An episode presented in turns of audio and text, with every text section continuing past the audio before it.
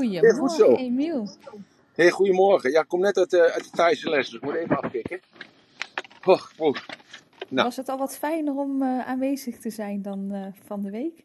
Ja, nou, laten we het daar maar even niet over hebben. Ik moet nog eventjes mijn, mijn strategie bepalen. En het is namelijk zo, ik ben natuurlijk visueel, zoals je zelf weet.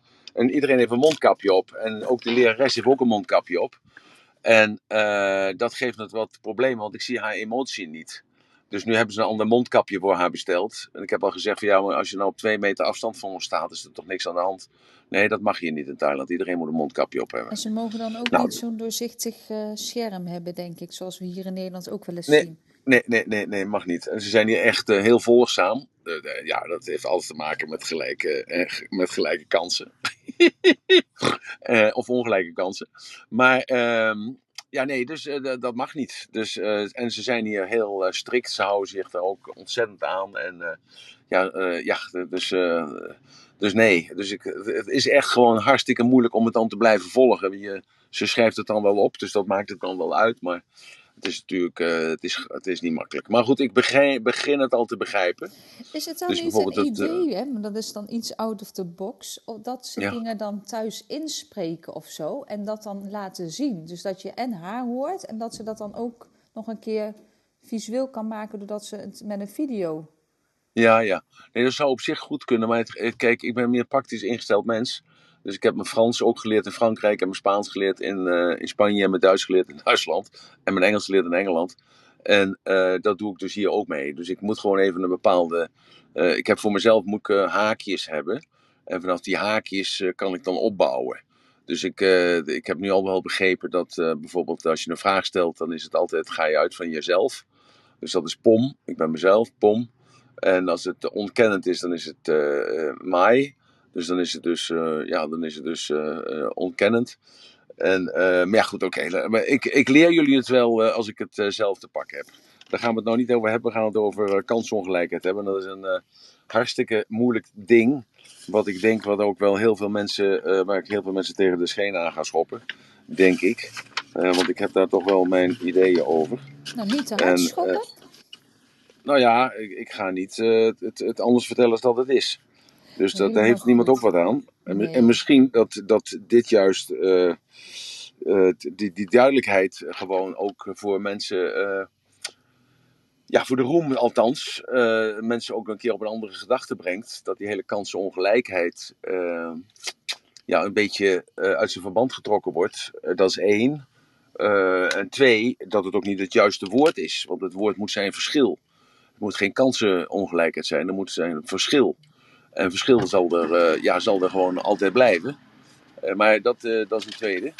Ehm, het, het, gaat nu om gewoon om een, een positief verhaal te vertellen over, hoe heet het? over kansenongelijkheid. En hoe we dat aan kunnen pakken of aan kunnen vliegen. En hoe we daar zelf dan het beste van kunnen maken. Want verschil zal er altijd blijven. En, dat denk ik ook, inderdaad. Nou, en, en dat is eigenlijk uh, waar ik mee, wilde eindigen. Maar uh, daar wil ik dan toch even misschien wel mee beginnen. Dat is het positieve. Uh, dat is namelijk zo dat mensen die vanuit een achterstandspositie komen, wat die achterstandspositie ook mogen zijn, of dat nu cultuur is, of dat religie is, of dat nou kleur is, of dat milieu is, of dat dat habitat is, dat, dat stroomt altijd naar boven toe dat bedoel ik mee te zeggen van, uh, dat, uh, dat zij die uh, kansen, zij die zonder kansen waren, of zij die achterstand hadden, dat die altijd in generaties naar boven toe komen. En dat zie ik bijvoorbeeld in Arnhem heel sterk. Dat, ehm, dat daar bijvoorbeeld de buurten, wat eerst de, de zogenaamde achterstandsbuurten waren, dat, dat, dat die mensen zijn op een gegeven moment verplaatst naar een andere buurt.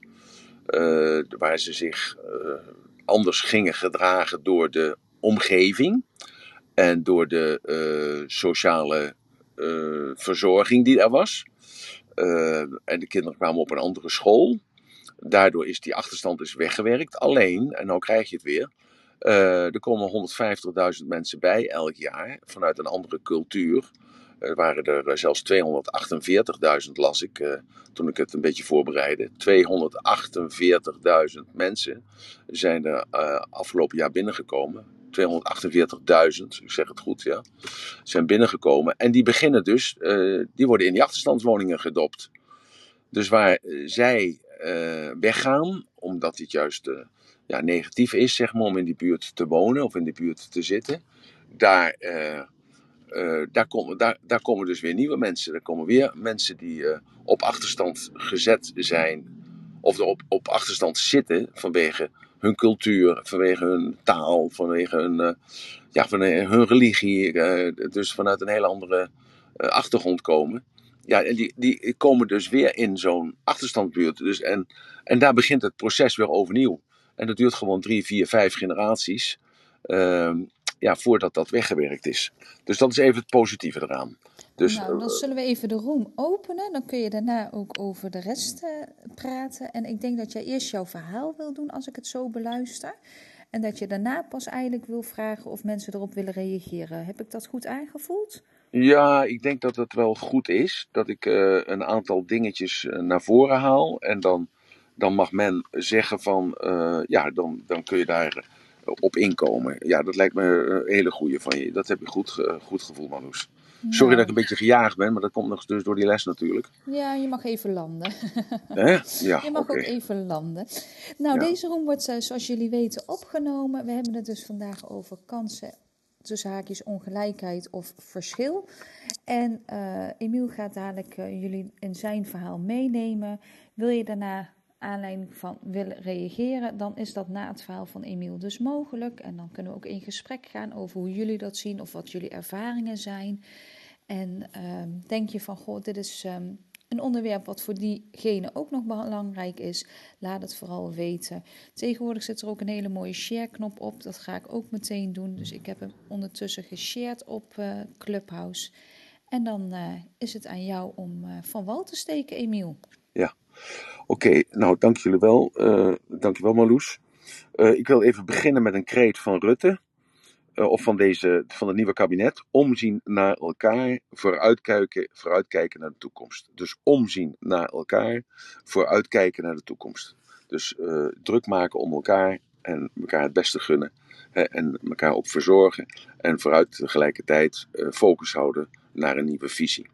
Nou, dat gaat over die kansenongelijkheid. Ja, ik noem dat dus geen kansenongelijkheid, ik noem dat een verschil. En verschillen, verschillen zullen altijd zijn. Waardoor zullen verschillen altijd zijn? Omdat men alleen maar uh, die ongelijkheid kan meten door naar de verschillen te kijken.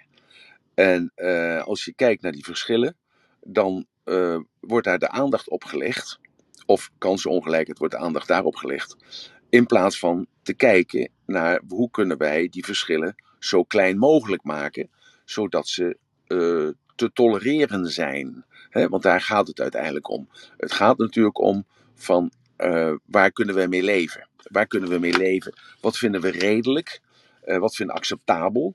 En, uh, ja, en dat, je daar, dat elk mens daar een andere norm voor heeft, is natuurlijk evident. maar daar gaat het eigenlijk om van wat is, wat is te tolereren? Wat kunnen we tolereren voor jezelf? En dat is, dat is dus een pers persoonlijk iets.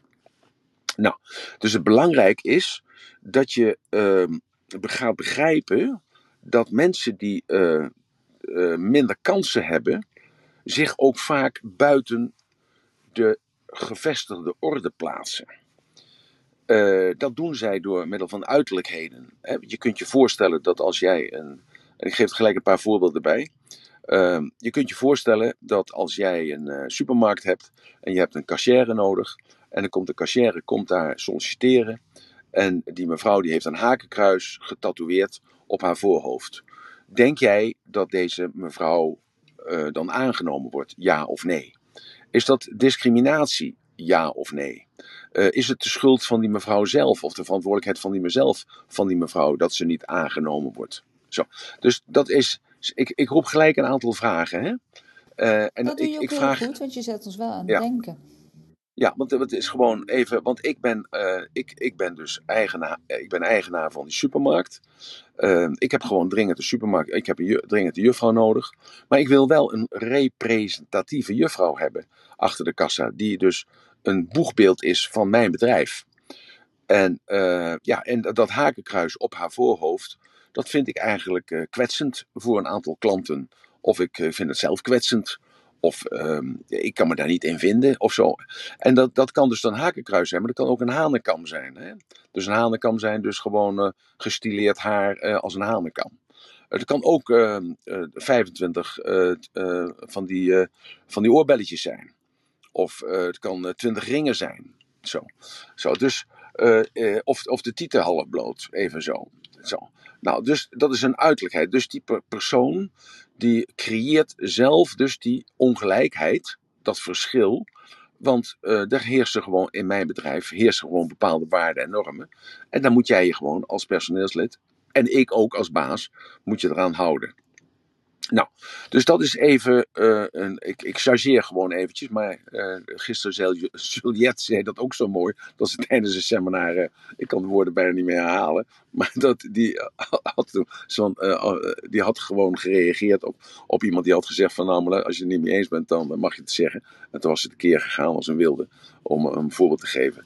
Zo, dus um, ik, ik, wil even aangeven dat je dus zo ver buiten de boot staat dat je dus niet, geen werk kunt krijgen. En dan creëer je dus zelf die kansenongelijkheid. Dus dat is verantwoordelijkheid nemen. Verantwoordelijkheid voor jezelf.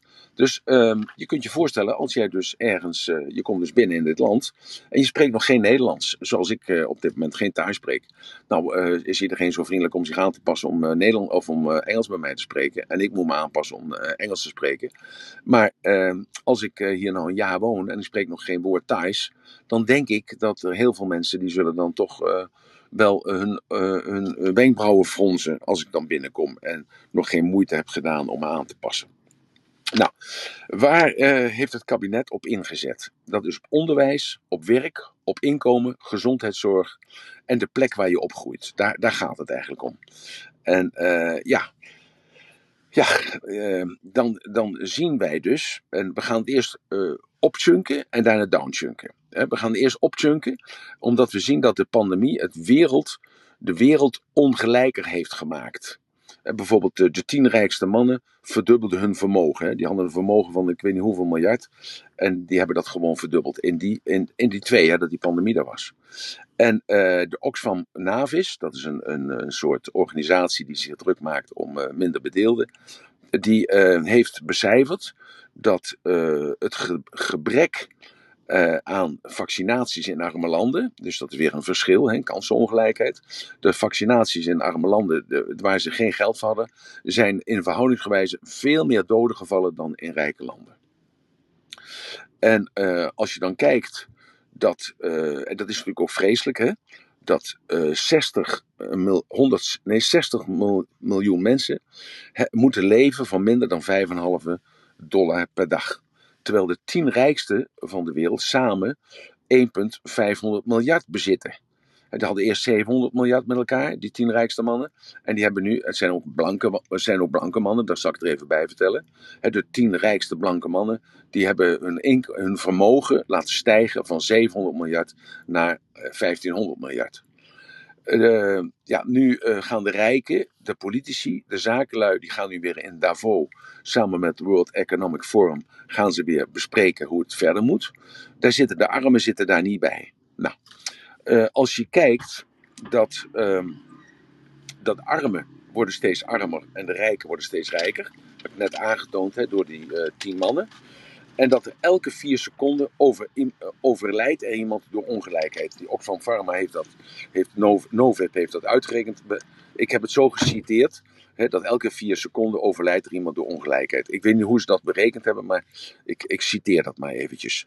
En nou komt de klimaatverandering erbij, nog, wordt er nog een, nog een groter verschil dat er gaat komen.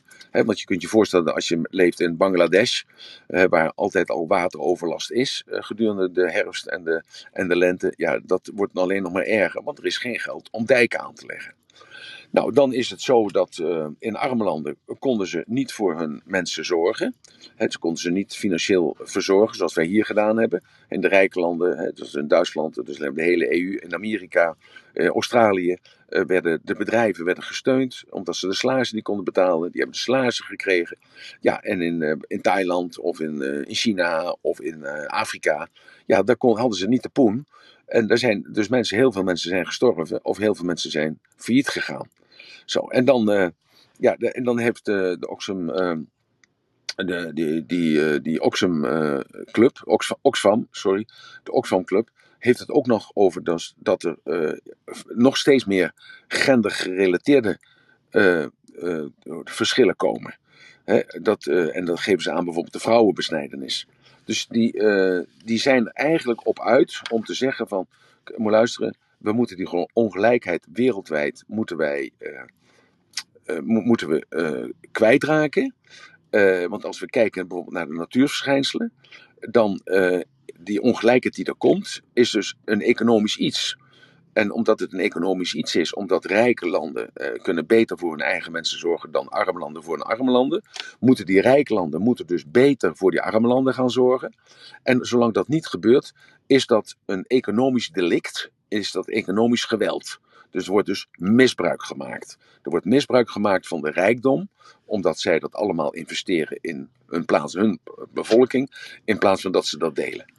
En, uh, ja, en dan, ik heb gisteren dan nog een, een podcast over geluisterd. En dan gaat het om uh, dat de vermogensbelasting aangepakt moet worden. Er moet een, uh, de radicale belastingontwijking moet aangepakt worden. Want deze praktijken kosten de arme landen honderden miljarden aan inkomsten. Met andere woorden, dus de, als de vermogensbelasting uh, progressief belast kan worden en de belastingontwijking wordt totaal geëlimineerd en dat geld gaat dus dan denkbeeldig naar die arme landen, uh, maken zij ervan dus dat de arme landen honderden miljarden aan inkomsten mislopen. Zo, dus Oxfam stelt dat er geen solidariteit is tussen rijk en arm. Nou, ik heb al eerder gezegd, ik heb ook geen solidariteit meer met de mensen die vandaag de dag over straat lopen. Want ik herken me daar zelf niet meer in. Laat staan dat ik mij dus niet uh, solidair kan kan verklaren met mensen uit totaal andere landen, die totaal andere culturen, totaal andere godsdiensten, totaal andere gewoontes en totaal andere, andere zaken doen. Want ik ben het daar gewoon helemaal niet mee eens. Maar ik mag het daar niet mee eens zijn, want uh, je bent een rijke blanke man en dan ook nog oud. Uh, en dan pretendeer je dat, dat je het beter weet dan die anderen. Ja, uh, dat doe ik ook. Ik pretendeer dat ook. Want als ik kijk naar onze rijke landen, hebben die andere zaken gedaan als de arme landen. En we kunnen daar natuurlijk wel heel lang en breed over praten. Over koloniën, over uitbuiting, over discriminatie, over racisme en dergelijke. Ja, dat is ook zo.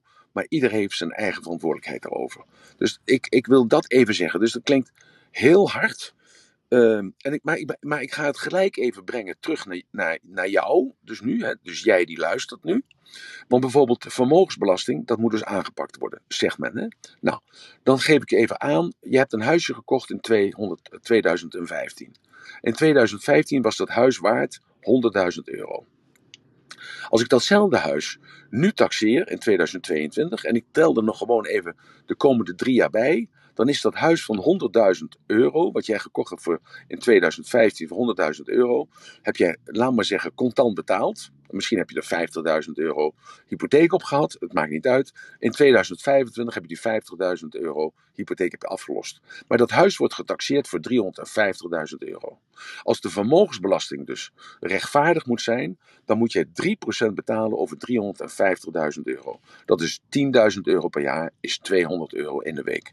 Nou, ik heb het nu gelijk teruggebracht naar jou. Hè? Ik heb het nu gelijk teruggebracht naar jou, die dus uh, het risico heeft gelopen om een huisje te kopen. Uh, het geluk heeft gehad dat dat huis in waarde is gestegen. Uh, ook inflatie, hè, moeten we natuurlijk niet vergeten. Want het is niet, niet, niet maar een vermogenbestanddeel. Nee, het, het geld wat je, wat je met dat geld kan doen, is ook duidelijk verminderd. Het gaat mij erom dat ik nu aan jullie vraag, als jij dus een huis hebt gekocht in 2015 en het wordt nu getaxeerd op 350.000 euro, hypotheek is afgelost, dat jij dus dan 3% erover moet betalen, is 10.000 euro per jaar. Waarvoor? Omdat we dus solidair moeten zijn met andere mensen, met andere landen. En vooral met andere landen, want daar, daar, gaat het nu even om. Maar ik, ik, haal het, breng het eerst even in een groot verband. Hè. Uh, en vraag ik mij dus af, wie van jullie zou bereid zijn om die 10.000 euro per jaar gewoon vrijwillig te gaan betalen? Dat geldt niet alleen voor, eigen, uh, voor huizenbezitters, dat geldt ook voor aandelenbezitters. Want de aandelen zijn ook tientallen procenten gestegen. Cryptocurrency zijn ook tientallen procenten gestegen. Kunst is ook tientallen procenten gestegen. Met andere woorden, uh, alles wat in vermogen zit nu, dat is, heb je inkomstenbelasting over betaald, heb je BTW over betaald, heb je eh, precario recht over betaald, heb je alles over betaald. En nu moet je er nog een keer over betalen. Zo, dus dat wil zeggen dat al datgene wat jij hebt vermogen tot een duur horloge toe, dat moet dus uh, belast worden om dus zodoende armere landen op gelijk niveau te brengen. Nou, de oplossing is dus. Uh, even denken hoor. De, want ik had namelijk een, uh, de oplossing bedacht. Uh, er is geen oplossing. Want de onderkant, de onderlaag, wordt elk jaar met 150 tot 250.000 euro gevoed. Dus dat verschil dat blijft. Die mensen die komen staan op achterstand. Twee, drie, vier generaties later is die achterstand, is dat verschil is weggewerkt. Dus dat is één. Dus dat, eh, dat duurt drie, vier generaties. Generaties 20 jaar. Uh, en het verloop van de wereld schuift op. Dus het hele, het, het, het, het verschil uh, tussen de mensen, als je kijkt naar het aantal kinderen wat geboren wordt in Afrika en het kijkt naar het aantal kinderen wat geboren wordt in Europa, het aantal kinderen wat in Afrika geboren wordt uit echtparen is 4,8 tot 6,8. Dus dat zijn uh, 5 tot 8 kinderen. In Nederland is dat 0,8. Dus dat, er komen minder, geboren, worden minder kinderen geboren als dat er mensen doodgaan. Uh, dus dat is even één. Nou, dan gaan we, dus dat is eventjes als je het kijkt wereldwijd. Dan gaan we, dan gaan we even naar Europa toe. We kijken even naar de verschillen van, uh, van geldgebruik, van uh, cultuur, hè, want het heeft ook met cultuur te maken. We kijken even naar de zuidelijke landen. We kijken dus naar de katholieke landen, Italië, Spanje, Griekenland, Roemenië, zo. En dan Frankrijk, Italië. We kijken daar even hoe hun balans ervoor staat. Met andere woorden, hoe, wat, hoeveel vermogen hebben zij? Hoeveel vermogen hebben zij? En we kijken dan naar de noordelijke landen. Dat zijn de protestantse landen. Dus dat is Nederland, eh, België een klein beetje, Vlamingen, Denemarken, Noorwegen, Duitsland, Scandinavië en, uh, ja, in Duitsland. Zo. Maar dan heb je we ook kijken naar die orthodoxe. Uh, je hebt de orthodoxe, dat is, dat is meer uh, Griekenland, en dat is, uh, uh, dan heb je het christelijke gedeelte van Turkije. Daar zit het orthodoxe. En noemen we dan uh, Rusland, zeg maar, die kant op? Polen? Ja, Rusland hebben we het niet eens over. Want kijk, om die gelijkheid, dat is wel een hele goede die je aanhaalt. dat, heel goed dat je dat aanhaalt. Want kijk, de politiek heeft al lang uh, geprobeerd om die ongelijkheid weg te halen. Kijken naar de experimenten van Rusland, de experimenten van China, de experimenten van de Vietcong, eh, van, de, van, van Cambodja. Hè? Dus experimenten in communisme. Jongens, we zijn allemaal gelijk, we moeten allemaal hetzelfde hebben. Is dat gelukt? Nee, is allemaal mislukt. Als we kijken naar de socialistische landen, we kijken naar de socialistische landen, is allemaal mislukt. We kijken naar de nationaal-socialistische landen, hè? Want kijk, dan zeg ik dat ook eventjes, want Hitler had het ook over, we moeten allemaal gelijk zijn. Is dat gelukt? Nee, is niet gelukt. Zo, ik geef maar even aan. een vreemde manier van gelijk zijn, want hij wilde daarmee wel een bepaalde groep helemaal weg hebben. Uh, hij zei, er moet een ubermensch zijn en die ubermens is namelijk allemaal gelijk aan elkaar. Je mag het niet zeggen, maar ik zeg het toch even. Nee, maar daarom, eh, daarom zeg ik van hij wilde ja. één groot mensenras creëren. Ja, waardoor hij dus eigenlijk gewoon al die minderheden in zijn ogen dan ja. Ja, vermoorden als het ware. Hè? Uh, zij, die zich niet, zij die zich niet aan wilde passen aan zijn ideaalbeeld, dat was het ubermens-idee, dat uh, werd geëlimineerd. Ja, ik praat geen oordeel, hè? Nee, ik heb het niet over. Wat, uh, wat de feiten zijn. Maar, maar zo is het. Dus ik wil alleen maar zeggen, door de eeuwen heen hebben allerlei uh, uh, mensen geprobeerd om, om er een, een soort model van te maken dat we allemaal gelijke mogelijkheden hebben, gelijke kansen hebben. En wij zijn in onze samenleving, want daar kom ik nu even op terug, uiteindelijk. Wij in onze samenleving, in onze westerse samenleving, zijn daar in het kapitalisme aardig in geslaagd. We zijn daar aardig in geslaagd. Even kijken. We zijn er aardig in geslaagd. Robert, blijf je, ik haal je niet naar binnen toe nou. Uh, zo, want als we kijken, en we gaan dus even kijken naar, die, uh, naar de zaken toe. We gaan even kijken naar het onderwijs bijvoorbeeld. Hè. Ik zal eens even um, noemen. Hè. Want uh, Rutte heeft dus gezegd, er zijn dus een aantal zaken waar, we, uh, waar ongelijkheid is. En dat, dat is dus dan onderwijs, werk inkomen, gezondheidszorg en de plek waar je opgroeit. Dat zijn, dat zijn de, uh, de punten waar we aan moeten werken. Nou, nu ga ik eerst eventjes naar onderwijs toe. Naar mijn weten heeft iedereen vrij toegang tot elk soort onderwijs. Is dat zo of is dat niet zo? In mijn beleving wel. Alleen je hebt niet allemaal dezelfde leerstrategieën en dezelfde nee, juist, juist. capaciteit. Juist, ja, maar dat is natuurlijk, daar hebben we het nou. Dus iedereen is anders gelukkig, zou ik bijna zeggen. Maar iedereen is verplicht zelfs om naar school te gaan. Dus iedereen die komt op lager onderwijs terecht. Dat zijn de eerste basisjaren van acht jaar. Dan kom je dus als 12, 13 jaar kom je daarvan af. En 25%, luister wat ik zeg, 25% praat niet goed Nederlands en kan zich dus niet uiten op schrift. 25%. Nou kunnen we met z'n allen wel wijzen naar het onderwijzend personeel. En we kunnen wel zeggen, er zijn te weinig personeelsleden en er zijn te veel mensen in de klas. Ja, ik word er eigenlijk een beetje droevig van. Uh, maar ik ga ervan uit dat die onderwijzers meer dan hun best doen. Alleen op een zeker moment ja, is het dweilen met de kraan open. Ik heb dat gisteren of eergisteren nog gezegd. Als ik in de supermarkt ben en daar staan dus uh, drie mensen met elkaar in het Swahili of in het Turks of in het uh, Cambodjaans of weet ik veel wat voor, wat voor woorden ook met elkaar te wauwelen. Dan zeg ik altijd, jongens, die kinderen die erbij staan, die moet je ook op laten groeien in de Nederlandse taal. Nou, dan wordt er altijd uh, vuil gekeken of ik krijg bijna ruzie. Hè, want ik moet mijn mond dicht houden, ik mag me er niet mee bemoeien. Ik vind het gewoon mijn verantwoordelijkheid als Nederlander om dat te zeggen. Nou, dat, daar wordt dus eigenlijk vrijwel altijd negatief op gereageerd, ook door mede-Nederlanders, omdat die mensen ook het recht hebben om hun eigen cultuur en hun eigen spraak te houden. Ja, dat is ook zo, maar de consequentie daaraan is dat je dus uh, niet mee kunt komen op school. En dat is dus die 25%.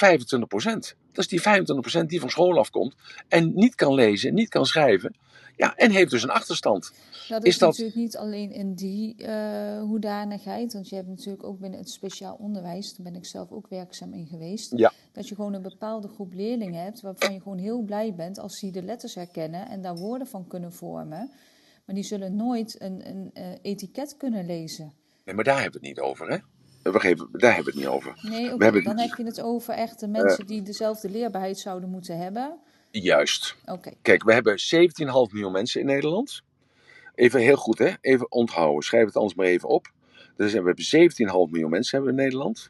Daar zitten er op de school zitten er 3,5 miljoen. En er zijn uitkeringstrekkers 5 miljoen. Dus dat zijn 5 miljoen plus 3,5 miljoen. Dat is dus 8,5 miljoen. Dan blijven er dus over 9 miljoen. En dus de beroepsbevolking is 9 miljoen. En van die 9 miljoen zijn er, 100, zijn er 1 miljoen 100 ZZP'ers. En dat zijn mensen die hebben allemaal een vrij beroep. Dan blijft er dus over uh, 7,9 miljoen. Zeg ik het goed? Ja, 7,9 miljoen. Dus met andere woorden, er zijn 9 miljoen mensen die moeten de kost verdienen voor 17,5 miljoen mensen. Dat het even duidelijk gezegd zijn. Dus natuurlijk hebben wij een sociaal systeem. Dat als iemand uh, ja, gewoon uh, geboren wordt met een gebrek, Word je gebeld? Wordt. Ja, sorry. Ik werd gebeld door iemand uit, uh, van de school van Miel. Uh, dus, als, um, dus ik wil zeggen, iedereen heeft toegang tot onderwijs. Ben je geestelijk niet volwaardig, dan ga je naar speciaal onderwijs toe. Uh, of als je zo'n achterstand, achterstand hebt, dan ga je naar speciaal onderwijs toe. Dus met andere woorden, iedereen heeft de kans om onderwijs te volgen. Als er achterstand is, dan heeft dat een andere oorzaak. En daar kan niet de gemeenschap voor verantwoordelijk gesteld worden. Dat is wat ik zeg. Dat is ook de verantwoordelijkheid van de mensen zelf, van de ouders zelf. En daar geef ik even weer terug dat voorbeeld van. Als je thuis gewoon jouw eigen taal blijft spreken, ja, dan moet je dus niet raar opstaan te kijken. Niet raar staan te kijken dat, dat je kinderen dus uh, achterstand krijgen in uh, onderwijs. Dus 25% die van school komen, zijn dus niet in staat om zich in normaal Nederlands te uiten of uh, in normaal Nederlands te, te, te schrijven. Met andere, met andere woorden, er ligt ook een verantwoordelijkheid bij de ouders en niet alleen maar de schuld geven aan het onderwijs. Nou, dan hebben we het over werk.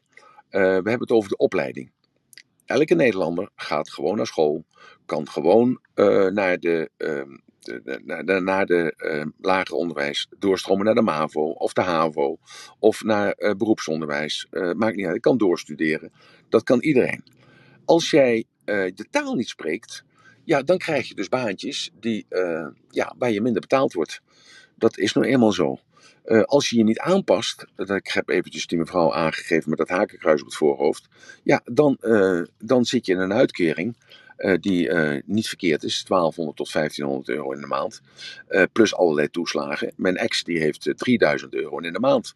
die heeft dan wel 1000 euro alimentatie erbij, maar heeft uiteindelijk nog 2000 euro. Zij zit in de waarjong al haar hele leven. Waarom? Ja, ik weet het niet, maar ze is afgekeurd ooit een keer. Dus uh, zij ontvangt 2000 euro aan uitkeringen. Want het is niet alleen de netto-uitkering, maar er is ook de uh, huurtoeslag, zorgtoeslag, kindertoeslag en wat voor toeslagen er nog meer zijn. Nou, ehm, ik denk dat daar iets in zit. Hè? Als je dus niet werkt en je krijgt 2000 euro en je hebt een kind in huis, die krijg je nog een keer 1000 euro van de vader. Ik heb 3000 euro. Nou, iedereen mag te denken van wat hij wil, maar ik denk dat je raaien kunt wat ik ervan vind. Zo, dus iemand die een achterstand heeft in zijn werk of opleiding, moet ook eerst even bij zichzelf raden gaan. Heeft deze persoon wel motivatie om te gaan werken? En daarom geef ik dat voorbeeld even van mijn ex, die 3000 euro in de maand heeft. Denk jij dat zij gemotiveerd is om te gaan werken? Nou, vullen jullie het maar in. Nou, dan, uh, als we dan kijken, en nou uh, klinkt ook weer ontzettend discriminerend en ontzettend fout als ik dat zeg. Jullie Belvië. Um, jullie uh, weten allemaal dat ik heel weinig slaap. Jullie weten allemaal dat ik heel veel werk en hard werk. En ik sta s'morgens vroeg om vijf uur wel eens bij de Shellpomp om te tanken. Dan zitten daar mensen om een kop koffie te drinken. Het zijn altijd dezelfde soort mensen die ik tegenkom. Ik zal voor de rest niet uitspreken wat voor mensen ik niet tegenkom, maar ik kom altijd dezelfde mensen tegen, s'morgens om vijf uur, zes uur of zeven uur bij de Shellpomp. Ja, daar heb ik dan mijn uh, vraagteken, stel ik daarbij. Hoe dat kan. Ja?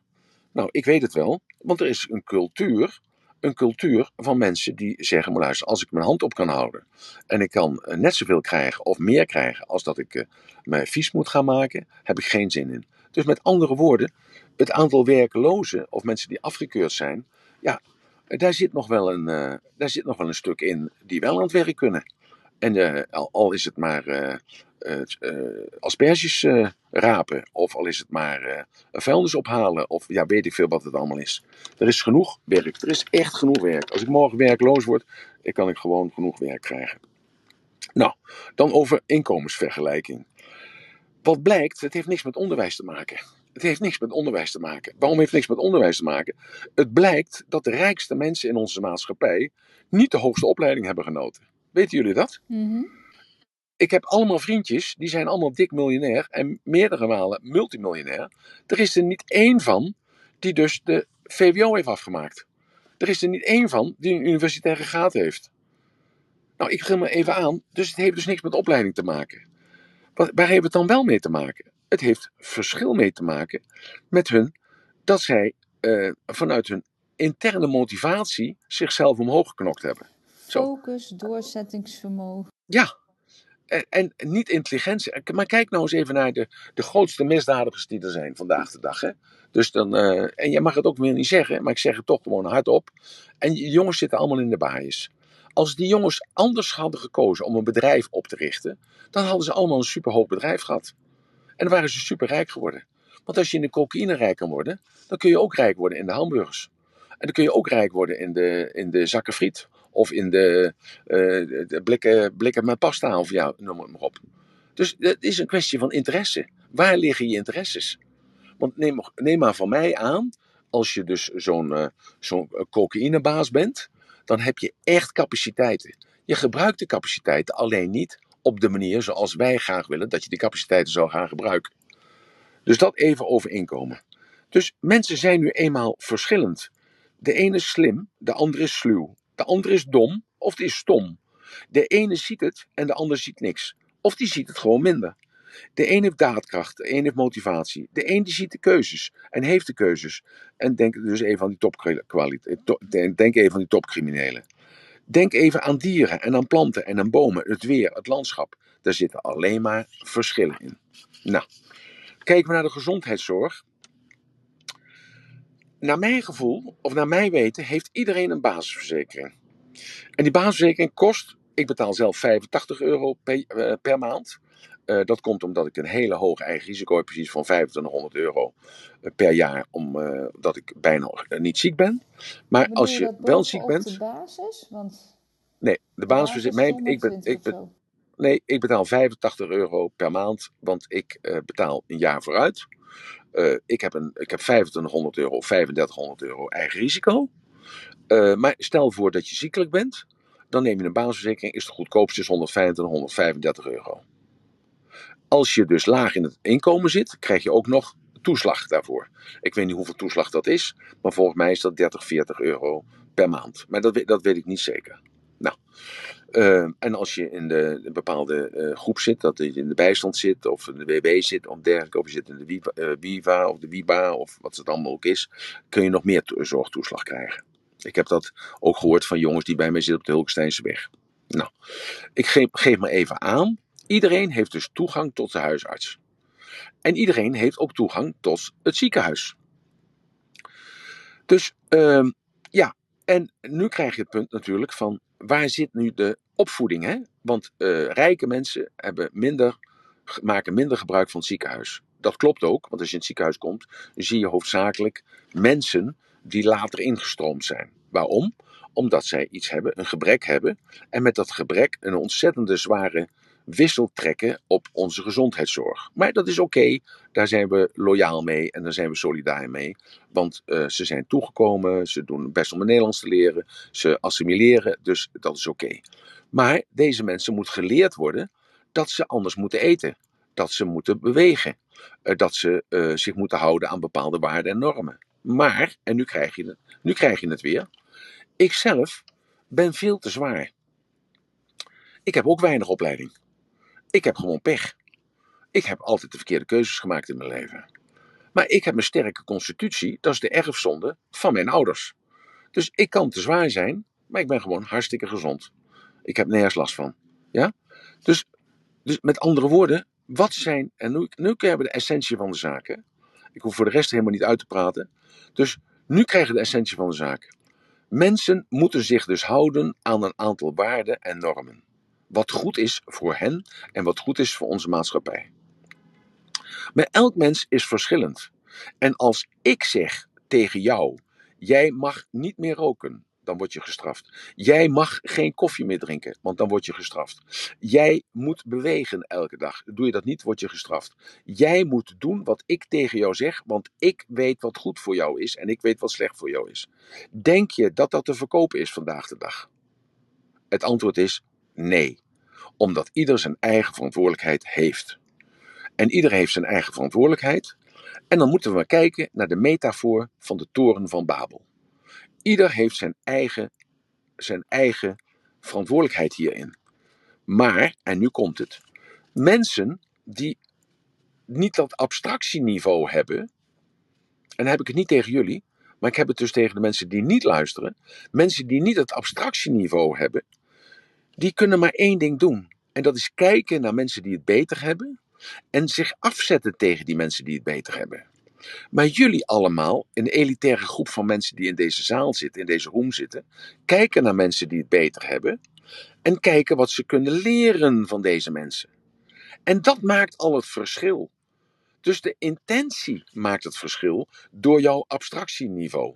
Heeft dat met opleiding te maken? Nee. Heeft dat met afkomst te maken? Nee. Heeft dat met cultuur te maken? Nee. Heeft dat met habitat te maken? Nee. Dat heeft te maken met jij, die dus al op een bepaalde manier ingegroeid is of al gekomen is op een hoger niveau, hoger neem me niet kwalijk dat ik dat zo zeg, op een hoger niveau is gekomen, wat karma-leer zegt, je hebt zeven lage niveaus en zeven hoge niveaus. Je mag het niet zeggen, omdat de mensen er nog niet aan toe zijn. En dat is de essentie van de zaak. Mensen zijn er nog niet aan toe om te begrijpen dat het verschil juist het aantrekkelijk maakt in onze maatschappij. Want dat zorgt voor de een voor motivatie en dat zorgt voor de ander zorgt voor een bepaald bewustzijn van ja, ik ben nu eenmaal superieur aan die anderen. Dat mag je ook niet zeggen. Maar, daar, maar zo zit het nu eenmaal in elkaar. En als wij dus met z'n allen gaan besluiten om het anders te maken. Het is oké, mijn zegen heb je. Maar mijn vraag komt dan weer naar jou. Je hebt je huisje gekocht voor 100.000 euro tien jaar geleden. Het is nu 350.000 euro waard. En jij moet elk jaar 10.000 euro vermogensbelasting betalen. Dat wil zeggen dat je elk jaar hypotheek op moet nemen, want die 10.000 euro heb je namelijk niet verdiend. Die zit namelijk in die stenen.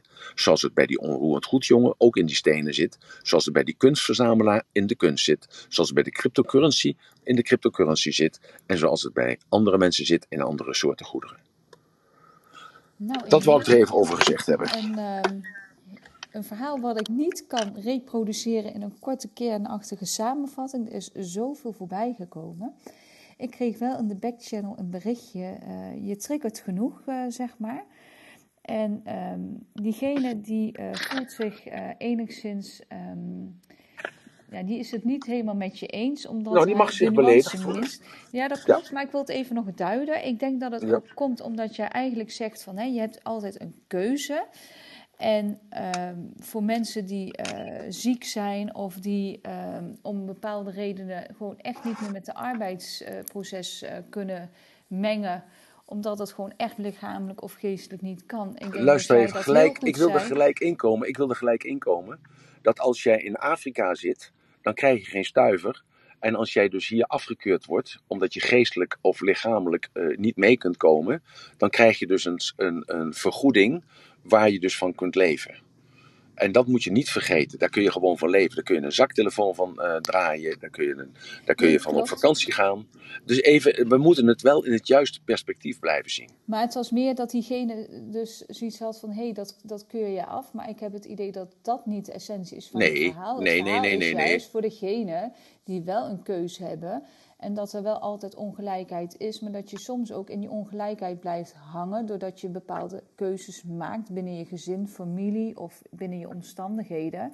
Waardoor je in een slachtofferrol gaat zitten in plaats van in een rol dat je zelf de, het leiderschap over je leven neemt. Niet iedereen is het gegeven, Marloes. Mhm. Kijk, als ik jullie zou vertellen, en ik doe het niet. Ik heb vanochtend een van jullie geappt is hij erin of zit hij niet in? Nee, is zit er niet in. Ik heb vanochtend heb ik geappt met iemand over COVID. Wat er precies nu aan de hand is.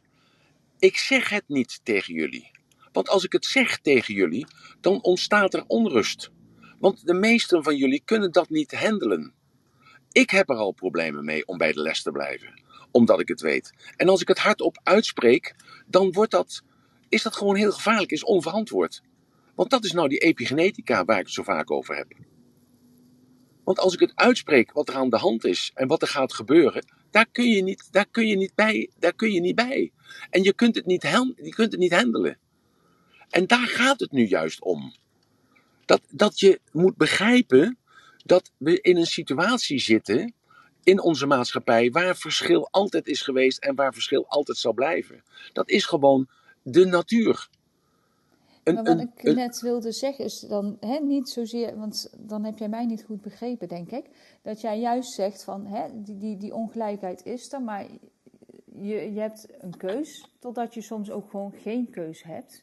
En dat jij dat ook gewoon beaamt. Net zoals dat jij zegt, die 25%, dan bedoel ik niet de kinderen mee die op het uh, eh, SBO zitten, het speciaal onderwijs, omdat ze gewoon bepaalde capaciteiten minder hebben. Nee, je bedoelt daar de mensen bij die wel degelijk leerbaar zijn. Nou, en zo moet je dat denk ik ook zien. In die, in, als je hè, echt een lichamelijke of geestelijke ziekte hebt, dan kun je niet altijd deelnemen aan iets terwijl je het misschien juist heel graag zou willen. Ja, maar er gaat niemand dood in Nederland nee, omdat, omdat je altijd die achterban heeft. Dat is juist heel fijn. Ja, de achterban, nee, is de sociale vangnet dat er is. Ja, dat bedoel dus er gaat niemand dood om de, van de honger. Er gaat niemand vriest dood van uh, de kou, want iedereen heeft een dak boven zijn hoofd. En of dat nou een gouden dak is, of een uh, platina dak, of een blikken dak, of een houten dak, iedereen heeft een dak boven het hoofd. En daar gaat het nou even om. Dus alle basisvoorzieningen is aan voorzien. En als je dan kijkt van, maar luisteren, er zijn mensen die hebben een... Het lukt niet om je naar boven te krijgen, Robert. Lukt niet. Uh, want ik heb het al een paar keer geprobeerd. Uh, dus als je kijkt daarna en dat daar dan verschillen in zitten, Ja, die verschillen zitten er. Dat klopt. En die verschillen, dat komt doordat mensen verschillend zijn. Robert, ik kan je niet naar boven toe halen. Het lukt niet op de een of andere manier. Nee, was bij mij ook al zo. Uh, ja. Mocht je naar boven willen komen, ik heb een, een reactie gekregen van iemand. Uh, wat bij mij werd geraakt is het volgende. Ik kwam niet uit de verf in de opleiding vanaf de basisschool al. Waarom? Ik voelde me gewoon weg niet geaccepteerd. Ik werd gepest en daardoor een clown in de klas. Nu ben ik erachter dat mijn breinsysteem veel meer kennis aan kan en daarmee wil ik wijsheid uitstralen. Het is dus niet het individu welke verantwoordelijk is te houden voor wat diegene is geworden. En ik ja, denk maar dat het niet duidelijk uh, geduid is, maar dat is wat diegene zegt. Ja, dat is wel uh, duidelijk, want zij legt de verantwoordelijkheid of hij legt de verantwoordelijkheid buiten zichzelf. En wij zijn met z'n allen, dat heb ik nu al duizend keer uitgelegd, in de piramide van Maslow, zijn wij allemaal nu aan die zelfrealisatie bezig. En de zelfrealisatie, daar behoort gewoon bij dat je zelf de verantwoordelijkheid neemt voor datgene wat jou is overkomen. Als ik zo direct een ongeluk krijg en ik eh, zit in een rolstoel, dan, is dat, dan neem ik die verantwoordelijkheid voor mij. Ik heb dus dat zelf gecreëerd. En dat is zelfrealisatie. En dus hij of zij die zich dus in de school uh, zich als een clown uh, behandeld werd, uh, zoiets is het dan, en, en, en, voelde zich dus misplaatst en dus daardoor heeft ze de opleiding niet af kunnen maken, dan moet zij alsnog die, die opleiding gaan afmaken en kijken naar het positieve eraan, dat ze nu ouder en wijzer en sneller is en dat ze dus nu gewoon haar eigen verantwoordelijkheid neemt. En niet zeggen van, luisteren, dat ligt aan hem of aan haar. Nee, kijk er juist naar van datgene wat mij dan is overkomen. Uh, dus toen uh, vijf jaar of tien jaar of twintig jaar geleden. Dat was op dat moment uh, was dat vreselijk. Maar ik ben nu ouder en wijzer geworden. Ik kijk ernaar. En dat is voor mij een signaal geweest. wat ik toen niet begreep, maar wat ik nu wel kan begrijpen. Dus ik kan het herkaderen, ik kan het reframen. En ik kan dus daarmee iets positiefs mee te, werk, te bewerkstelligen. Want alles wat ons overkomt, is alleen maar, heeft alleen maar de betekenis die wij daar zelf aan geven. Mm Zo, dus, en daar gaat het elke keer over. Het, daar praat ik elke keer over. dus het gaat niet om iemand anders de schuld te geven. Het is jouw verantwoordelijkheid, want jij hebt het zo begrepen. Jij vat dat zo op. Ik heb het nooit begrepen dat ik gepest werd. Ondanks dat ik pinda Chinees genoemd werd. En Miele Kleine Piel. En, en uh, kankerhomo. En uh, uh, mijn vader was een NSB'er geweest. Ja, heel af en toe als ik in een niet vermogende stemming was. Dan, dan hoorde ik dat aan. En dan dacht ik van. Hè, bedoel je dat nou zo of zo? En oké, heb ik gelijk eigen rechten gespeeld. Zo, dus ik heb gewoon initiatief genomen. En dat, en dat is niet iedereen inderdaad gegeven. Nee, ja, precies. Dus niet iedereen aan gegeven. Maar daar heb je het al het verschil. Ik weet nog, de jongens van de beste uit de klas waren. Ja, die hebben er gewoon uh, maatschappelijk niks van gemaakt. Want ze waren de beste in de klas. Maar dat wil niet zeggen dat je de beste in de maatschappij bent. Dan denken dus aan die koning Baba. Ja? Goede, uh, slechte tijden creëren sterke mensen. Sterke mensen creëren goede tijden. Goede tijden creëren uh, zwakke mensen. Zwakke mensen creëren slechte tijden. Dus waar lig jij? Waar ben jij momenteel? Ik ken genoeg mensen die vanuit andere culturen komen. Uh, Iranezen, uh, Marokkanen, Turken, mensen uit Suriname. Ik heb net weer een paar huurders gekregen uit de Antillen. Fantastische mensen. En die maken er gewoon zulke goede dingen van. Kijk naar Nancy. Die maakt er gewoon het beste van. Het beste van. En zet zich niet af. Nee, ze kruipt omhoog. En dat is fantastisch. Ricardo, ja, je wil reageren. Ja, ik, ik, vind het een heel mooi uh, onderwerp, uh, Emiel en Meloes, uh, dit. en ik, ik, ik denk dat iedereen in zijn eigen paradigma zit. Dus zijn eigen overtuigingen en de manier hoe hij kijkt. En ik denk als je echt die mensen aan de onderkant een beter leven wil geven, of, of, of, een andere manier wil laten bewegen, dat je die paradigma's moet gaan veranderen bij die mensen. Uh, door, uh, door ze andere informatie te geven, dat er meer mogelijkheden komen. Ik weet niet of jullie dat ook zo zien, want ja, hun Ja, maar een beetje uitleg graag. Hoe kunnen ja, ze dat dan beter creëren dan? Ja, mag ik daar even antwoord op geven? uh, Ricardo, want kijk, wie ben ik om te pretenderen dat ik het weet? Dat is het namelijk het verhaal. En daar hebben we het gisteren of eergisteren ook over gehad. We hebben het gehad over respect. dus ik eh, respecteer, ik accepteer de autoriteit die boven mij staat. En die respecteer ik. En daarom doe ik bepaalde zaken, uh, omdat ik die autoriteit respecteer. Dat die autoriteiten bezig zijn om dat respect te verliezen, dat is iets anders. Dat, is een, dat is een discussie die momenteel oplaat uh, door COVID en door toeslagenaffaire en door allerlei andere onrechtvaardigheden die er uh, op dit moment bezig zijn. Maar wie ben ik om dus dan als blanke, oude man te vertellen aan anders gekleurde of anders cultuurachtige, om te vertellen dat zij moeten doen zoals ik. Nou ja, dat is sowieso natuurlijk een mooi verhaal. Wie ben ik? Uh, dat is natuurlijk een hele mooie, want uh, sowieso heb je alweer een heleboel mensen in deze room die je uh, op een bepaalde manier beweegt weer. Dus ik, ik, ik denk dat, dat, dat als we allemaal daarmee bezig zijn, en ja, wat je er net al zei, je hebt natuurlijk verschillende niveaus van mensen. Tenminste, ja, nou ja. Ja, nee, heb je het al.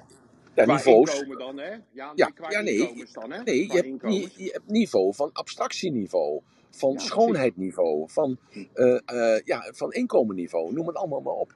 Dus Ja. het een sluit het ander niet uit. Maar het gaat nu om dat de, dat de overheid dus dat meeneemt en zegt, maar luister, we moeten die ongelijkheid aanpakken. En daarom heb ik het geprobeerd om op te bouwen vanuit een wereldperspectief. Hè? Dat er dus dat er milja miljardairs zijn die dus dankzij de COVID dubbel miljardair geworden zijn. En dat mensen die dus onderaan zaten, hè, dus qua inkomen, dus die, 5,5 die nog geen 5,5 dollar per dag te verteren hebben, dat die groep nog groter is geworden. Ja, dat, dat is dus een. We hebben daar met z'n allen voor gekozen, hè, op de een of andere manier. En we zijn erin gegroeid. En we zullen daar best een, een oplossing voor gaan vinden om dat te doen. Maar ik denk niet dat, dat we moeten verwachten met z'n allen dat dat nu binnen een jaar gebeurd is. Want iets wat, uh, wat, wat vergroeid is tot iets, wat, wat iets natuurlijk is. Want het gaat om dat het natuurlijk is dat er verschillen zijn. We kunnen niet allemaal gelijk zijn. Dat bewijst dus al uh, het marxisme, het communisme, het socialisme, het neonationaal socialisme.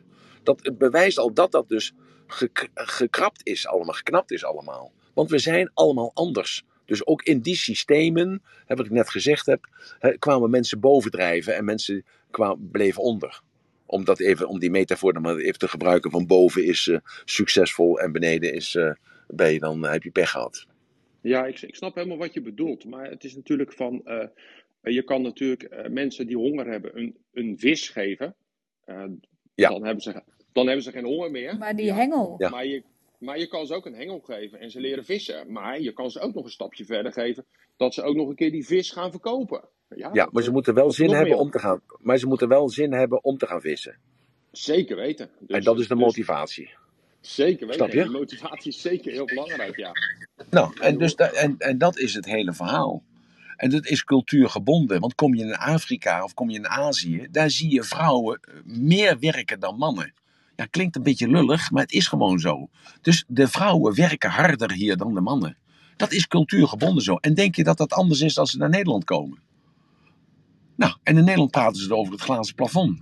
En in Nederland praten ze over dat vrouwen uh, uh, onderbetaald worden ten opzichte van mannen en dergelijke. Dus het is een hele andere cultuur. Ja, het is een hele, hele mooie discussie, uh, Emiel, omdat er zoveel manieren van kijken zijn en zoveel manieren van denken zijn. Uh, ik, ik, ik denk maar, ik denk ook wel dat een stukje van de overheid daar wel bij hoort. Dat, nee, maar de, het gaat om het woord kansenongelijkheid. Dat is al een eufemisme voor het woord verschil. Ja, maar het begint al hoe jij kijkt. Of je een kans hebt of niet. Als jij het idee hebt dat je ja. geen kans hebt, dan ja, maar, die, die motivatie ja. gaat er dan nooit komen natuurlijk. Dat nee, dat, dus dan, ja, maar dan zijn we er toch. Dus dat probeer ik nou te duiden. Dus dat het, uh, al die jongens, die, al mijn vriendjes, die dus gewoon meerdere miljonairs, ik heb er twee miljardairs tussen zitten. Die jongens, die hebben, is er een, heeft niet eens lagere school afgemaakt. Die kan nog steeds niet rekenen. Ja, die, die kan rekenen achter op zijn sigarendoos. Dus, dus het heeft niks met onderwijs te maken. Dus het heeft alles met motivatie te maken, geluk te maken. Maar daar moet je moed voor hebben. Want geluk is alleen voor de moedigen hè, die het doet. Maar ik, ik breng het dus even terug naar die, naar die Oxfam, uh, dus naar die vereniging die on, onderontwikkelde landen helpt. En die zegt, ja, er is beloofd dat er 100 miljard per jaar gegeven zou worden. Tien jaar geleden al. En het is maar 60 miljard wat er gegeven wordt. Dat is veel te weinig. Dus die vermogensbelasting moet omhoog. Nou, dan zeg ik, oké jongens, oké, kom maar. Huppakee, vermogensbelasting omhoog. Daarom gooi ik dat in de zaal. Jongens, dus iedereen moet dan 10.000 euro van zijn vermogen gaan betalen. En dan begrijp je pas dat bijvoorbeeld een Bill Gates, die is miljardair, maar dat zijn zijn aandelen. En hij mag zijn aandelen niet verkopen, dus hij heeft er helemaal niks aan. En dat is met, met, met, hoe heet het, met die Tesla-jongen is dat ook zo. Zo, en dan krijgt het pas handjes en voetjes voor jezelf, dan komt het dichtbij. Dus het is allemaal makkelijk praten, maar verschil zal er altijd blijven. Want de een is gewoon slimmer dan de ander. En net zoals dat er knappere kerels zijn. Als ik in het café kom, vrouwen kijken niet naar mij, want ik ben te oud. En twintig jaar geleden keken ze wel naar mij, maar als ik met, mijn, eh, mijn broer binnenkeek, binnenkwam, dan keken ze allemaal naar mijn broer. Want mijn broer is knapper dan ik. Nou, dus dat is ook een verschil. Ben ik daardoor gefrustreerd? Nee, ik ben daardoor harder gaan werken. En ik realiseer me nu op deze leeftijd dat vrouwen alleen op me vallen vanwege de poen. En nergens anders. Of dat ik ze bekend kan maken. Of dat ze met mij op de rode lopen kunnen lopen. Nou, dus ik maak er gebruik van. Hoe, hoe vervelend dat ook mogen klinken dan voor uh, mensen die zich aangesproken voelen. Nou, Duidelijk, Ricardo? Ja, ik snap je helemaal. Uh, en, ik, en ik zit ook te kijken hoe zou je dan die motivatie bij die andere mensen die het dus uh, aan de onderkant zitten of die, die het niet goed hebben of niet goed doen of die wel constant het handje boven het hoofdje moeten houden. Uh, nou, Ricardo, dat bewijst dat, jij niet altijd, dat bewijst dat jij niet altijd in de roem bent. Want namelijk motivatie ontstaat alleen maar door pijn. En dus als jij geen pijn ervaart, dan heb je ook geen motivatie. Want het slechtste wat je ooit is overkomen, blijkt later de oorzaak te zijn van de grootste zegen die je is overkomen. En denk daar nog eens even over na. Nee, yes. maar, nee, maar daar ben ik volledig met je eens. En dat nou. heb ik al eens een keer eerder gehoord. Dus daar ben ik volledig met je eens. Nou, oké. Okay, dus, dus, dus hij of zij die, nog, die geen pijn ervaart, wij ervaren die pijn voor hem of haar. Dat is hetzelfde als die idioten, ja sorry, ik mag het niet zeggen, dat die zeggen, maar een hond heeft het koud, ik doe mijn jas aan. Hè? Een hond heeft het niet koud. Een hond is gelukkig, die leeft in het nu.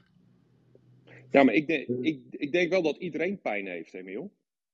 Maar dat wil niet zeggen, maar je moet genoeg pijn hebben om te stoppen met roken.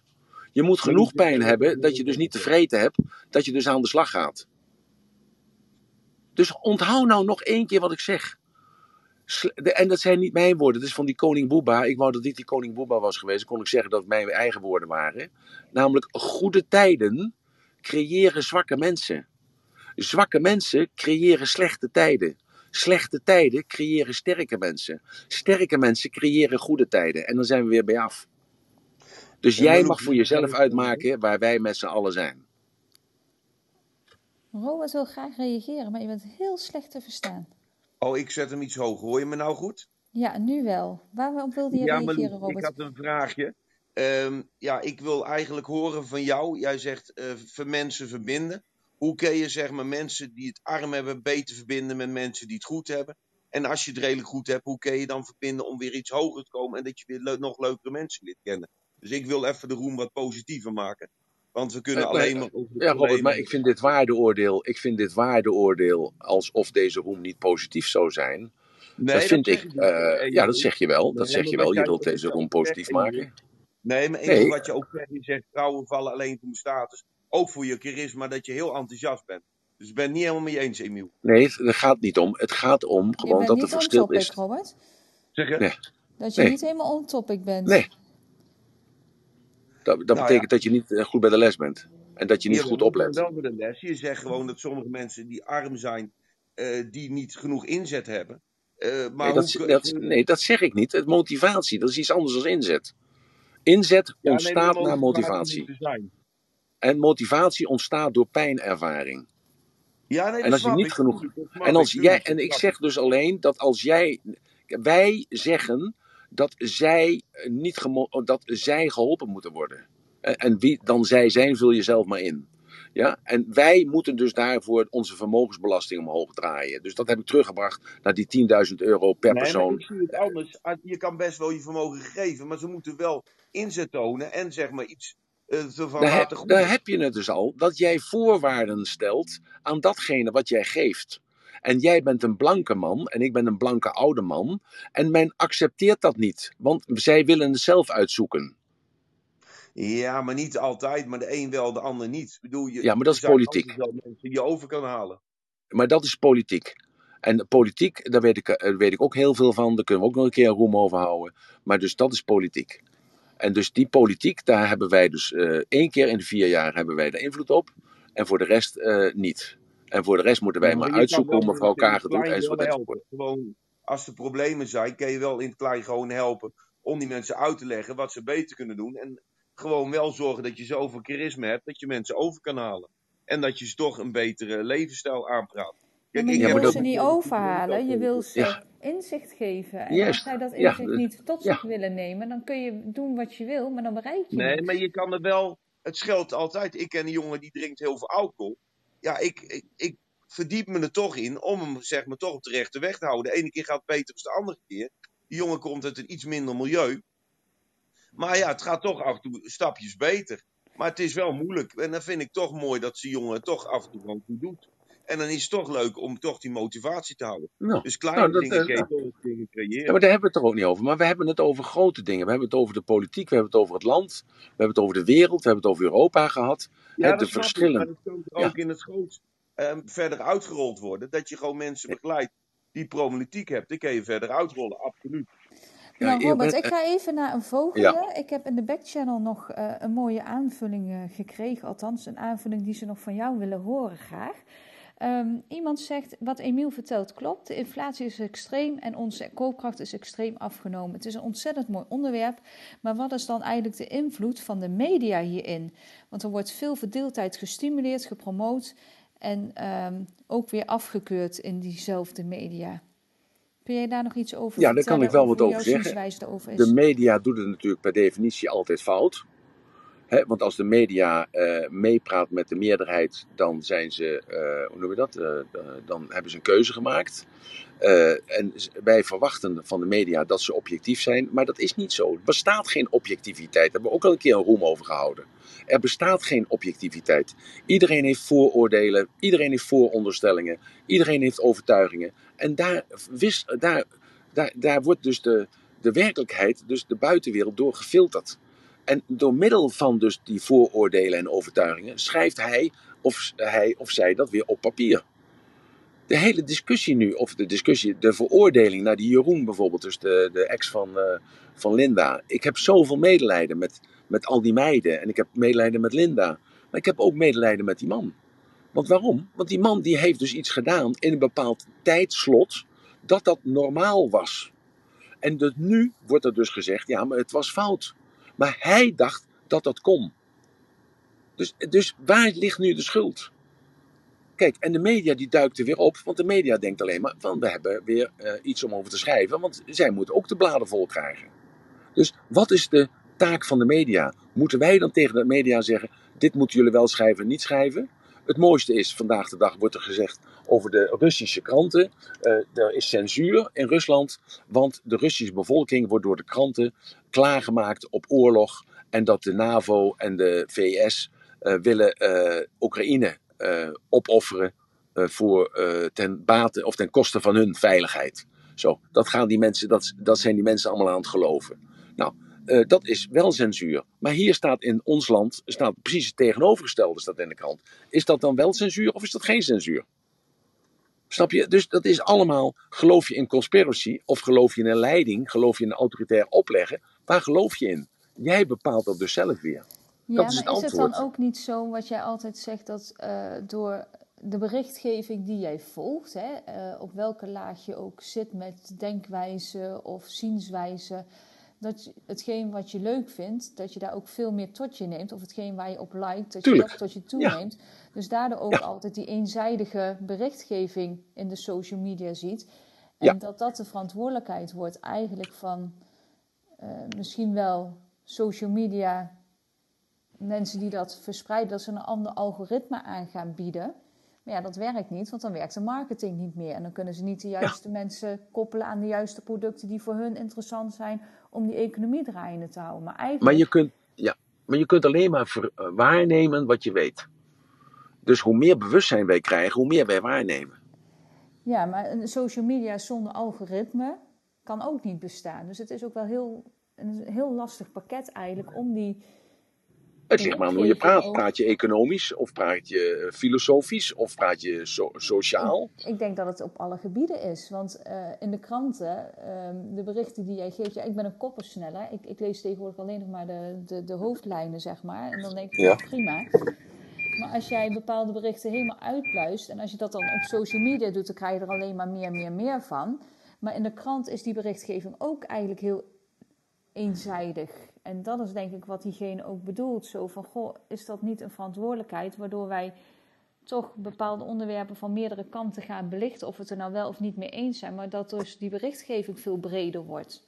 Ja, maar je moet je verschillende kranten lezen. Ik lees het NRC, ik lees de Volkskrant, de Telegraaf, het AD en ik lees, de, uh, lees ook nog de plaatselijk nieuws, het lokaal nieuws.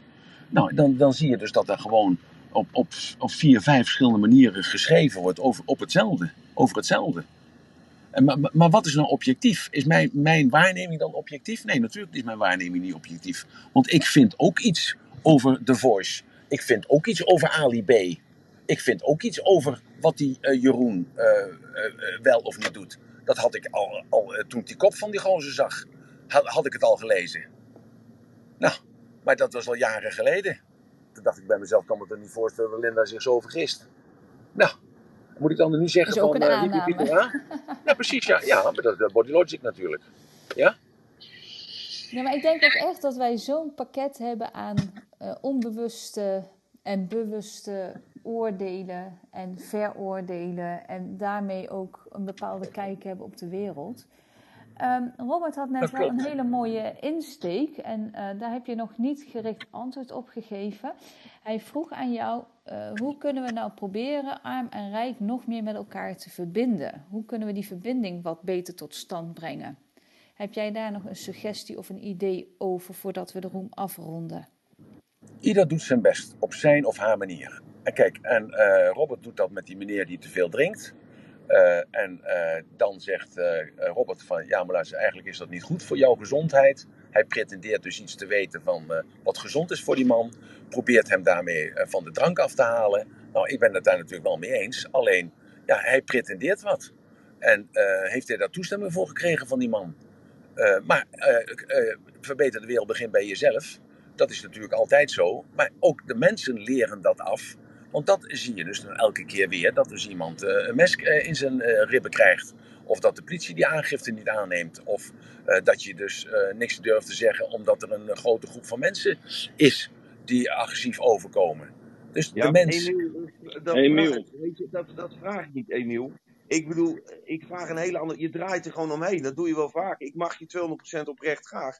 Maar je draait er dan overheen. Ik vind gewoon mooi dat je mensen gewoon positief uh, benadert. Maar ik vind het ook belangrijk, hoe kunnen we creëren dat mensen gewoon meer groei krijgen? En dat vind ik belangrijk. Wat vind jij belangrijke dingen wat je mensen zou mee ja, ik vind, de, de, aanname al, de aanname al dat ik er omheen draai, uh, dat vind ik eigenlijk, uh, dan moet ik er niet mee stoppen met datgene wat ik doe.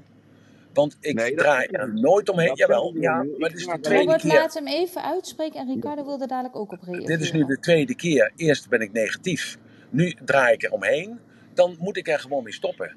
Want kijk, ik uh, maak elke dag een uur vrij om uh, te meten uh, of te vertellen in deze room wat ik van bepaalde zaken vind. Ik vertel over mijn technieken, over mijn ervaringen, over mijn zienswijze.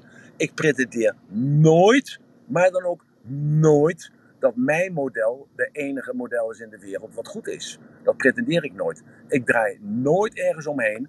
Ik probeer altijd iedereen in zijn waarde te laten. En ik probeer altijd iedereen gewoon datgene te geven waardoor hij of zij verder kan. Maar ik, ik trek mij dit heel erg aan. Ik trek mij dat heel erg aan dat je dat, dat, je dat zegt. Dat ik er omheen Emiel. draai. Emiel. Ja, ik, ik trek mij dat heel erg aan. Emiel, Emiel. Ricardo En wil graag reageren op jou of op Emiel. Robert. Ja, ik trek me dat heel erg aan. Want dan heb ik geen trek meer en geen enkele motivatie meer om, uh, om nog wat voor werk dan ook te doen. Hè? Dus dat, dan cancel ik het seminar van, uh, van 2 april. Dan uh, stop ik ermee. Ja, nee, maar Ricardo, Ricardo ik, wil even, Ricardo, ik wil even zeggen dat iedereen is gelijk voor mij in de room. als iemand wat zegt, wat, wat verbindt of wat splijt, is dat ook oké. Maar ik voel mij hier heel slecht bij omdat uh, meneer uh, Robert, die kent, mij, dus, uh, die kent mij toevallig ook ietsjes beter dan. die kent mij privé een klein beetje. En ja, ik, ik vind het nogal wat. Mijn zoon die zit op de andere kant, heeft al tien keer gebeld. Voor hetzelfde geld heeft hij een ongeluk gekregen of wat dan ook. ik vind jullie belangrijker dan, dan dat hij is. en dan wordt er zoiets gezegd. Ik, nou, ik, ik ben hier not amused over. Zachtjes uitgedrukt. Ricardo, had je wat wil je zeggen? Ja, ik, uh, ik dacht dat jij altijd de persoon was hoe we iets beter zouden maken. En uh, om, om, om, om mensen te laten groeien. Ja. En uh, tenminste, dat dacht ik altijd hoor. De, ja. Dat je die persoon bent en die persoon ben je ook. Maar ik, ik voelde er net wel een heel ander deel naar voren komen van jou, die heel even anders was. Een beetje frustratie, een beetje irritatie. En, ja, klopt. klopt. dat, dat, klopt. Dat hing, maar dat hing een beetje in de, in de room. En ja. Uh, dat, ja, daarom kwam ik ook er net naar boven toe. Dat ik dacht van, hé, hey, dit is niet de Emiel die ik, die, die ik ken, die ik zo ziet. Van, Emiel is altijd iemand die mensen wil helpen en mensen verder wil helpen. En ja. ja, uh, dus we kunnen wel op dingen klagen, maar we kunnen beter kijken hoe we iets beter kunnen maken. Ja, maar, dat, dus, maar dan moet er ook, de, de, ook een, een openheid zijn. En als er de openheid niet is, uh, datgene, uh, je hoeft het niet met me eens te zijn, laten we dat even opstellen natuurlijk. Dat Zeker niet. Hè? Dus dat staat bovenaan. Maar, uh, en je mag ook altijd kritiek op mij hebben, maar als je dus bepaalde dingen gelooft, uh, dat ik negatief ingesteld ben. En als je gelooft dat ik uh, het eigenlijk altijd maar probeer met een grote boog omheen te gaan, politiek te praten. Ik, ik denk juist dat ik er onbekend sta en daardoor ook gehaat word. Dat ik altijd de duidelijkheid opzoek. En juist de duidelijkheid opzoek, ja, onge ongeacht het onderwerp. En dat is dit onderwerp hetzelfde laken pak. Want dit is een heel, heel, heel moeilijk onderwerp om hier uh, zonder oordeel of zonder uh, ja, goed of fout, laat ik het dan zo maar zeggen, om hierover te praten. Want er is altijd iemand die zich aangesproken voelt, hier, zeer zeker in dit onderwerp. Zeker, en dat hebben we net bij je gemerkt. Ja. En ook Emiel is gelukkig maar mens. Juist, ja, en gelukkig. Weten. ja, dus dat, dat blijkt maar weer dat ik ook mens ben. En wat het antwoord op de vraag is, hoe kunnen we dit veranderen? Dat is realiseren en ons ervan bewust zijn dat we allemaal verschillend zijn. En dat we in dat verschil er geen goed of fout is. En dat we van elkaar mogen leren. Want wij mogen nederigheid leren van zij die misschien iets minder succesvol zijn, uiterlijk dan. En we kunnen misschien iets leren van kwaliteit uh, waarderen van mensen die iets meer succesvol zijn, uiterlijk. Ik heb het over uiterlijk, ik heb het niet over innerlijk. En dat zou een band kunnen smeden om. Maar dogma's, en dat heb ik geprobeerd te vertellen, dat dogma's zoals communisme, socialisme, uh, liberalisme, uh, nationaal socialisme, dat werkt allemaal niet. Maar de, het model waar wij vandaag de dag in zitten, is naar mijn inziens het beste wat er nog op de wereld is.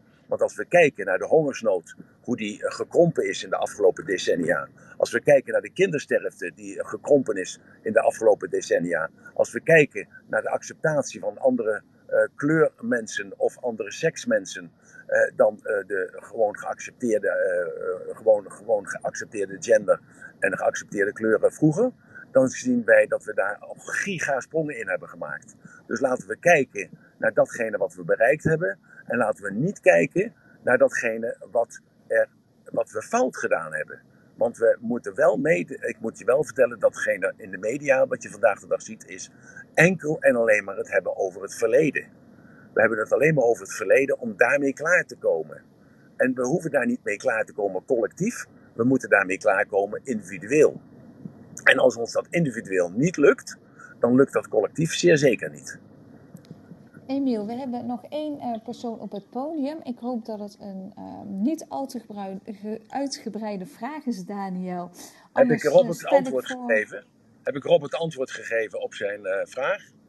Nou ja, niet, niet helemaal. Maar Emiel, je weet van mij, als je me nu belt, dan haal ik je op als er wat is. Ik mag je 200%. En Daar ik zou je niet nooit aan willen vallen. Dat weet je. Daar- Ik mag je daar al, gaat al, al jaren. Nee, daar, Dus ik daar zou nooit negatief over je zijn. Ik ga echt door het vuur voor je. Ik mag Nee, daar gaat het niet om. Daar gaat het niet om. Nee, oké, maar goed. Nou, oké. Ik heb gevraagd of ik antwoord op je vraag gegeven heb. En ik dacht dat ik antwoord op je vraag gegeven had, maar dat blijkt dus niet zo te zijn. Ja, ik denk dat de essentie niet helemaal eh, doorkomt bij beide. Maar dat zit iets even. Dat kan ik niet duiden. Dus dat, dat komt denk ik wel. Daniel, jij bent eh, nog op het podium. Ik heb de handjes uitgezet omdat ik wel richting de afronding wil, aangezien ik dadelijk naar mijn andere werk eh, toe mag. Daniel, wat wilde jij vragen of toevoegen? Ehm, ik wilde even wat eh, delen over mijn persoonlijke beleving van het proces, als dat mag. Ehm, want eigenlijk, kijk, als ik dus in de room zet en wat voor mij eruit haalt, kijk, eh, Emiel deelt op een bepaalde manier zijn mening. Ehm, en is er naar mijn idee best wel duidelijk in. Ehm, en daar, hè, daar kan je mee eens zijn of oneens, maar het triggert wel dat je erover gaat nadenken en dat je er zeg maar op een eigen manier een standpunt in kan innemen. En ik denk dat dat ook wel een meerwaarde is, of het nou, eh, of er nou uit frustratie voortkomt of wat dan ook. Ehm, ja, het zorgt dat we op een bepaalde manier wel allemaal groeien in ons denken en misschien nog andere, eh, andere zeg maar, viewpoints daarin meenemen. Ehm, en ik denk dat dat al best wel winst is. En ik dacht van, ik kom even naar boven om aan te geven van jongens, dit halen we er ook wel op. En dat we er ook wel waarderen dat, eh Emiel, dat je bepaalde dingen eh, hè, zo communiceert. Want bepaalde dingen die worden gewoon niet zo duidelijk neergezet of uitgesproken. Terwijl die dingen er wel spelen. En ik denk dat we er ook van kunnen leren, maar ook in contrasten kunnen denken. Dus ehm, dat wilde ik even toevoegen eh, aan de groep. Wat een ontzettend mooie Daniel. aanvulling, Daniel. Heel, heel mooi gezegd, want zo is het ook uiteindelijk. Ik doe altijd mijn best eh, om, eh, om ook er te zijn, nu ook ik in het buitenland zit. En dat kost me echt heel, heel, heel veel moeite. Eh, omdat ik hier bepaalde interesses aan het opbouwen ben.